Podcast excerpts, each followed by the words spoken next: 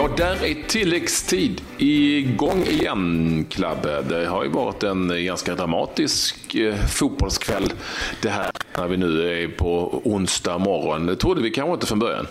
Nej, det hade man kanske inte riktigt förväntat sig. Vi visste ju att det var toppmatch, eller en, en intressant match i, i, England, men det blev ju verkligen en, en riktig drabbning i tyska cupen, Mönchengladbach mot Eintracht Frankfurt, där vi fick en svensk matchhjälte. Ja, vilken jäkla match det var. Alltså, jag tror nästan att det var... Eh, vi ska säga att det stod, 1-1 efter full tid. Förlängning i Gladbach eh, öste på.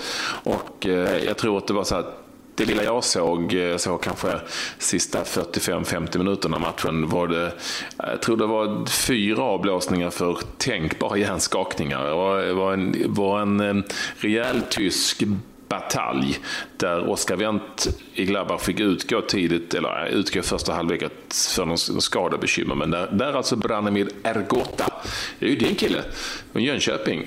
Ja, ja precis. Bara en sån sak. Eh, nej, det var kul faktiskt. Och, eh, och lite kul att se att han, han höll inte igen i firandet heller. Han sprang eh, raka vägen över till eh, eh, Frankfurt-fansen. Och det är klart att det, det, måste ju vara mycket som släpper i ett sånt läge och få ja. komma tillbaka och, och, och avgöra. Exakt. Det var mot sitt gamla lag eh, i Gladbach, eh, där han inte riktigt fick plats. Och som han avgjorde. det var också långt in i straffavgörandet. Det var eh, mål på mål på mål på mål i straffarna. Sen missades plötsligt eh, tre stycken straffar i rad innan han fick chansen att avgöra. Då drog han hela vägen bort till fansen borta i ena hörnet. Vi har försökt få tag på Algoto här direkt efter målet men inte haft möjligheten. Vi hoppas vi kanske kan få det. Det skulle vara kul att höra vad han säger om, om det där. Han har haft det halvtungt ändå. Men nu är det alltså finaldags i tyska kuppen DFB Pokal som de heter, där de möter eh, tuffast tänkbara motstånd. Det har du koll på va? Det möter antingen Dortmund eller Bayern München. Den matchen spelas imorgon. Och eh, det har varit lite andra matcher också, ska sägas. Eh, franska kuppen där har ju Angers gått vidare till en final. Och de får också en tuff motståndare. Det blir antingen Monaco eller PSG som eh, möts imorgon. Huddersfield har blivit helt klara för playoff i England. och... Eh, och en annan stor nyhet som vi måste nämna, eh, Patrik, det är ju att eh, Ajax har beslutat att Amsterdam Arena ska döpas om till Johan Cruyff Arena. Och det måste mm. jag säga att det gillar jag. Mm, det gillar jag också. Skitcoolt. Johan Cruyff, alltså nyligen bortgångne mästaren, får arenan uppkallad efter sig i Amsterdam för detta Ajax som han gjort så mycket för. Jag tittar snabbt på tyska tidningar här bara. Eh, där de ju går stenhårt på rubriken här eh, med Ergota. Ex-Gladbacher Ergota schießt Frankfurt nach Berlin. Och det är stort i Tyskland också. Det är en enorm framgång för Frankfurt här. Är du vass på tyska? Nej. Inte. Men jag kan ju läsa. Ja, ja nej, jag tänkte bara kolla. Jag är vassare på eh, franskan det i varje fall. För Angers vet jag inte om man säger. Man säger Anger, men, men, men skitsamma. Anger. De är ja, åtminstone ja, ja. ja du, du kan ju lite, du kan ju lite Ligue 1. Ligue 1. Men det spelades ju en, som du var inne på, det spelades en väldigt intressant match i eh, Premier League. Intressant inte minst för serieledande Chelsea som ju man kan ha tyckt vacklat lite jämfört med vad de har gjort tidigare. Och just av den anledningen så ska vi ringa upp en man som var på plats. Mm. Vi eh, testar att ringa, jag som teknikchef eh, drar iväg eh, ett eh, samtal här och får se om det går fram eh, den här gången. Så nu blir det, och nu blir det lite utrikes engelska tror jag att du fixar. Ja, det vet jag att du fixar. Det ska, nej, det ska, det, det ska vi nog läsa. Här har tyska så har det varit lite värre, det kan jag säga. Mm. Mm. Hello? Hello? Och nu har vi med oss Andy. Hello Andy! Uh, hello! hello? Is that, is that Klaus? What's, what? That's Klaus. Yes, yeah. that's Klaus. It's true. I love your pronunciation of Klaus, like Santa Claus. Uh, I love that, uh, Andy. This is yeah. this is Patrick. This is Patrick on the other side. Hello, mate. Hello. Why are you laughing? I've got Why are you, you laughing? I've got the two of you there now.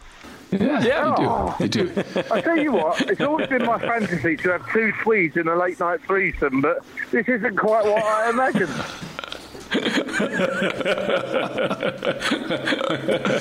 I can understand your disappointment, yeah, Andy. It's every Englishman's ultimate fantasy. yeah. right, what, what, talk well, me through well, What are we doing, lads? Um, we, we're, on, we're live right now, to be honest with you. So, so, so, so keep your thoughts down a little bit, please. Sorry. Vi ska säga på svenska då att det här är, är Andrew Dillon, Andy Dillon, polare till mig och Claes som jobbar på The Sun. Eh, ja, ni hör ju själva. Det förstod ni kanske när ni hörde honom prata där direkt i, i England. Och han har varit på plats och sett uh, Chelsea Southampton. I just told our viewers that, uh, well, you are as the sun guy and uh, that you're a bit of special and um, they have to be aware. Yes, yes. Probably the best. Uh, I'll be on my best behaviour. What do you say about the game? 4 2 to Chelsea. Uh, I think what it does, it tells us why Chelsea you know, will be the champions and why we've seen everything from them so far this season. Uh, not so far since September. Um, you know why they've got the mental strength to be the champions because they just win games like this because Southampton played very well tonight, um, very well, and there were quite a few wobbles in the Chelsea defence, especially you know not just when when uh, Southampton equalised. Before that, they'd been building up to it. After they equalised, they played ever so well, um, and Chelsea were on the back foot. But uh, we spoke to Gary Cahill afterwards, and he just talked about the fact that they've got this belief and the fact that he scored when he did a minute or so into injury time in the first half and that was a real, a real, you know, a real punch in the stomach for Southampton. Very difficult to recover from that, particularly at Stamford Bridge. And they just have this belief, they have this kind of willpower that they've not had for a, a couple of years that sees them over the line every time. And they've also got this absolutely crazy manager uh, in the dugout who I think covers more ground yeah, than any of the players. Yeah, he's uh, yeah. and he just drives he's, them on and on and on. Yeah, he's terrific. He's he's so so mild mannered. He's so placid away from a match, but you watch him in yeah. the dugout, and uh, you know he was at times he was standing directly in front of Claude Puel. Claude Puel couldn't see the pitch because Conte, Conte had strayed so far to the right. He was standing in front of him. It was just you know, he's shouting at players who are 80 or 90 yards away in the opposite corner of the pitch, and there's no way they can hear him, but they can see him, and they can they just know what he's doing, and that just drives them on. So this game kind of sums up the team that they've become, really. Uh, Diego Costa scored again, uh, two goals, um, um, the 3 1 and the 4 1. And the 4 1 was fantastic, I have to say. How important would you say that was for, for Chelsea? In in this situation? I tell you, I think it's more important because I mean the three one is the one that seals the win for tonight.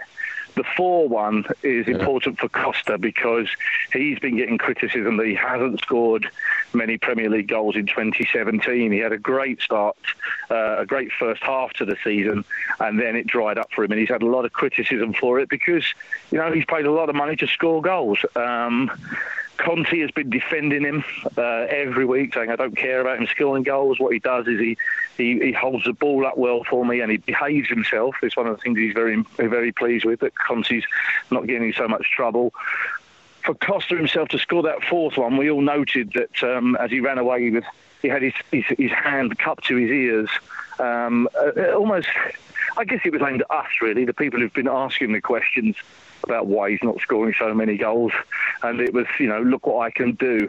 Um, and it's just at the right time. Um, Conte himself said maybe he'll start scoring goals at the end of the season, uh, and this is what started to happen. He'll get a lot of. I mean, I don't think he lacks confidence, but getting back, the supply line is back on.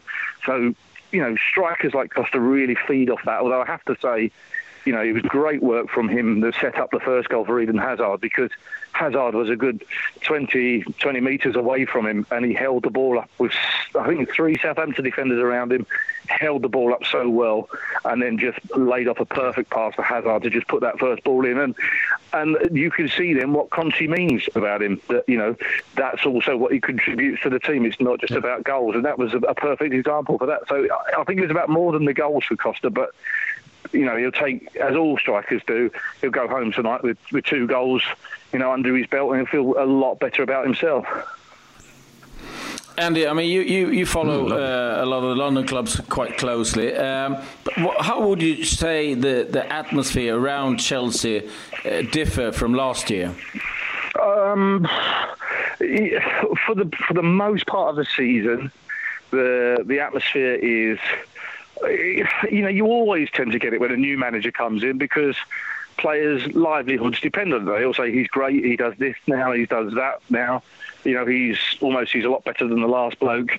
But you know, you could just sense with Mourinho last season that he was getting more and more um, frustrated himself and it was the first time Mourinho had been put under real pressure in his managerial career because he even said himself it was his first crisis that he'd ever had.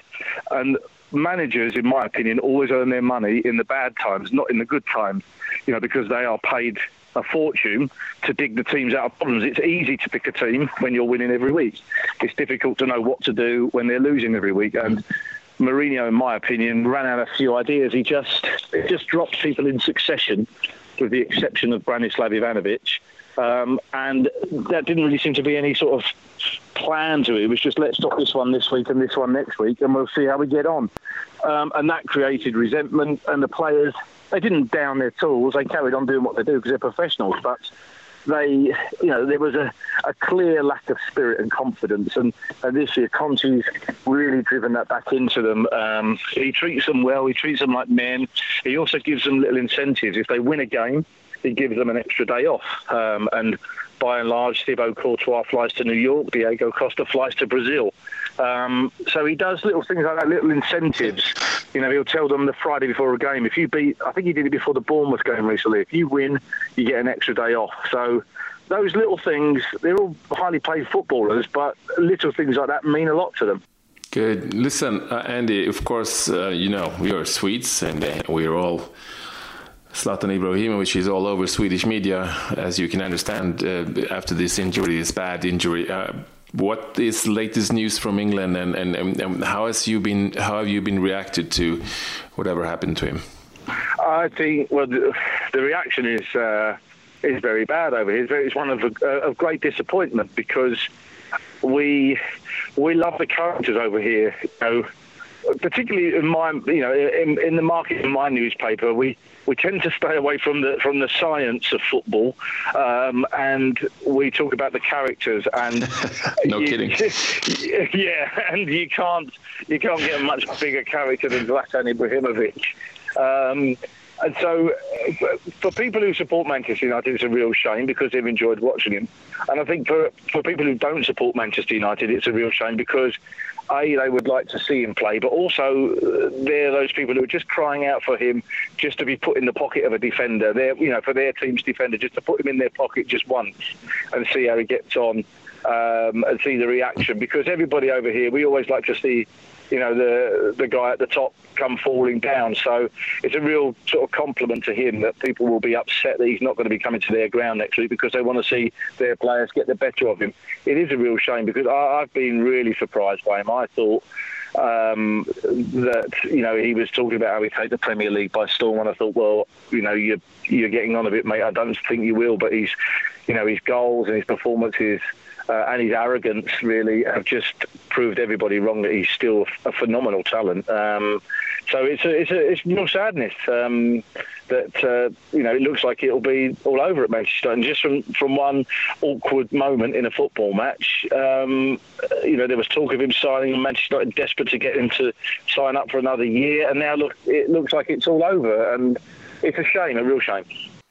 No, I was just uh, uh, wondering. Uh, I think a lot of people in, in, in Sweden wonder is how is it for, uh, for for written press in England to work after a game like tonight with Chelsea? Is it easy to get interviews, or how, how does it work for you? Uh, it, the way it works in England is, is if the team if the team win, the players talk to you. If the team win, if the team loses, the players don't talk to you. So we've been fairly lucky this season with Chelsea.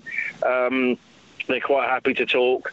Um, a game like tonight is not that difficult really, because with Chelsea taking the lead at half time and then scoring fairly early in the second half to go 3 1 up, it eases the pressure a bit. Um, the the worst game I've had this season, I was at Swansea against Tottenham two or three weeks ago on a, on a night match, um, and Swansea were one 0 up with two minutes to go, and then Spurs came back in six minutes and, and won the match. And I had about five minutes to rewrite the entire report. At, at two minutes before time, Tottenham were a team of crumblers and losers uh, by five minutes into it, I'd never doubted them, and they have an iron will. So I completely changed my opinion. um, that's that's what you have to do. that's what that's what football does to you over here. And uh, just, you know, so, it, it, tests you. It's easy for the players. So, so finally, just journalists. just short, just short. Uh, Andy, just short. Who, who's yes, the biggest yes, asshole sure. there out there in the Premier League? Just one. Who, uh, apart from me, who's the biggest asshole? Um, yeah, but uh, among the players. Among the players, I, I, do you know what? I'd, I'd need a while to think about that one. Um, you know, the, the trouble is there, there's nobody really like that. There are a few surly ones who don't want to talk to you regardless and who just look at you as if you're something on the end of their shoe. But the problem is, is not so much them. The problem is that the distance between journalists and footballers now has never been greater. There's an army of agents and an army of club media men who just want to keep distance, stop you getting to know them and them getting to know you. Um, you know, over time, you become familiar with players and you realise that they're quite, you know, they're they're they're, they're, good lads when, when you can get them in the right circumstances. Unfortunately, that doesn't really occur because usually you've got somebody from the club with a, a dictaphone stuck under your nose so you can't really talk to them and you can't get their mobile numbers because the club media officer won't you know will just step in um, and the players themselves are frightened of the press officers. Sometimes they won't talk to you because if they do anything that's not sanctioned by the club, they get they get in trouble for it. So that's what that's what the problem we we have over here. That's that's a real issue, I think, for for getting good, colourful stories out of players. Interesting. Uh, thank you very much uh, for being a part of uh, Tilläggstid, which is extra time in, in, in English. And I know you know one Swedish word. You may say it now. Jag älskar dig. well, hey do. no, no, not that. hey do. hey do. Yeah. Bye bye. Hey. Bye bye. Thank you very much. Talk hey later. Go back to your eight, eight kids or whatever you have nowadays. bye bye. Bye bye, Andy. Ja, vi, vi, vi, drog iväg på tilläggstid där, men det är alltid intressant att höra Andy Dillon från The Sun. Eh, alltid, alltid intressant. Tittar vi på morgondagen då, Klabbe, så eh, spelar mm. ju, det är en del matcher i, i Premier League. Intressant förstås med Crystal, Crystal Palace, Tottenham. Även Arsenal-Leicester är det imorgon. Eh, och vi har matcher i allsvenskan också för den delen. Bland annat Göteborg, Hammarby. Det stämmer. Det blir en... franska cup-semin. La Liga. Jag ska kommentera Barcelona och Sassuna, bland annat. Vi har, het, vi har intressanta svenskar i, i elden i Grekland faktiskt. Grekiska returerna i cupsemin med Jakob Johansson och AK Aten mot Olympiakos. Och eh, Panathinaikos spelar mot PAOK tror jag och Eh, där är ju både Marcus Berg och Niklas Hult med i Panathinaikos och bägge de svenska lagen vann sina första matcher så det är också intressant. Det finns en hel del matcher imorgon, en hel del att prata om. Eh, så vi är tillbaka med tilläggstid. Vi blir lite långa idag. Ibland så är det ju en skada på planen och då blir ju tilläggstiden lite längre. Då, ja, precis. Då får man ju köra på. Men eh, det var väl allt för uh, idag. Vi hörs imorgon igen. Vi ska försöka få tag på Ergota. Vi kan få ha med honom imorgon. Mm, ha det bra. Hej. Ja, vi testar. Hej.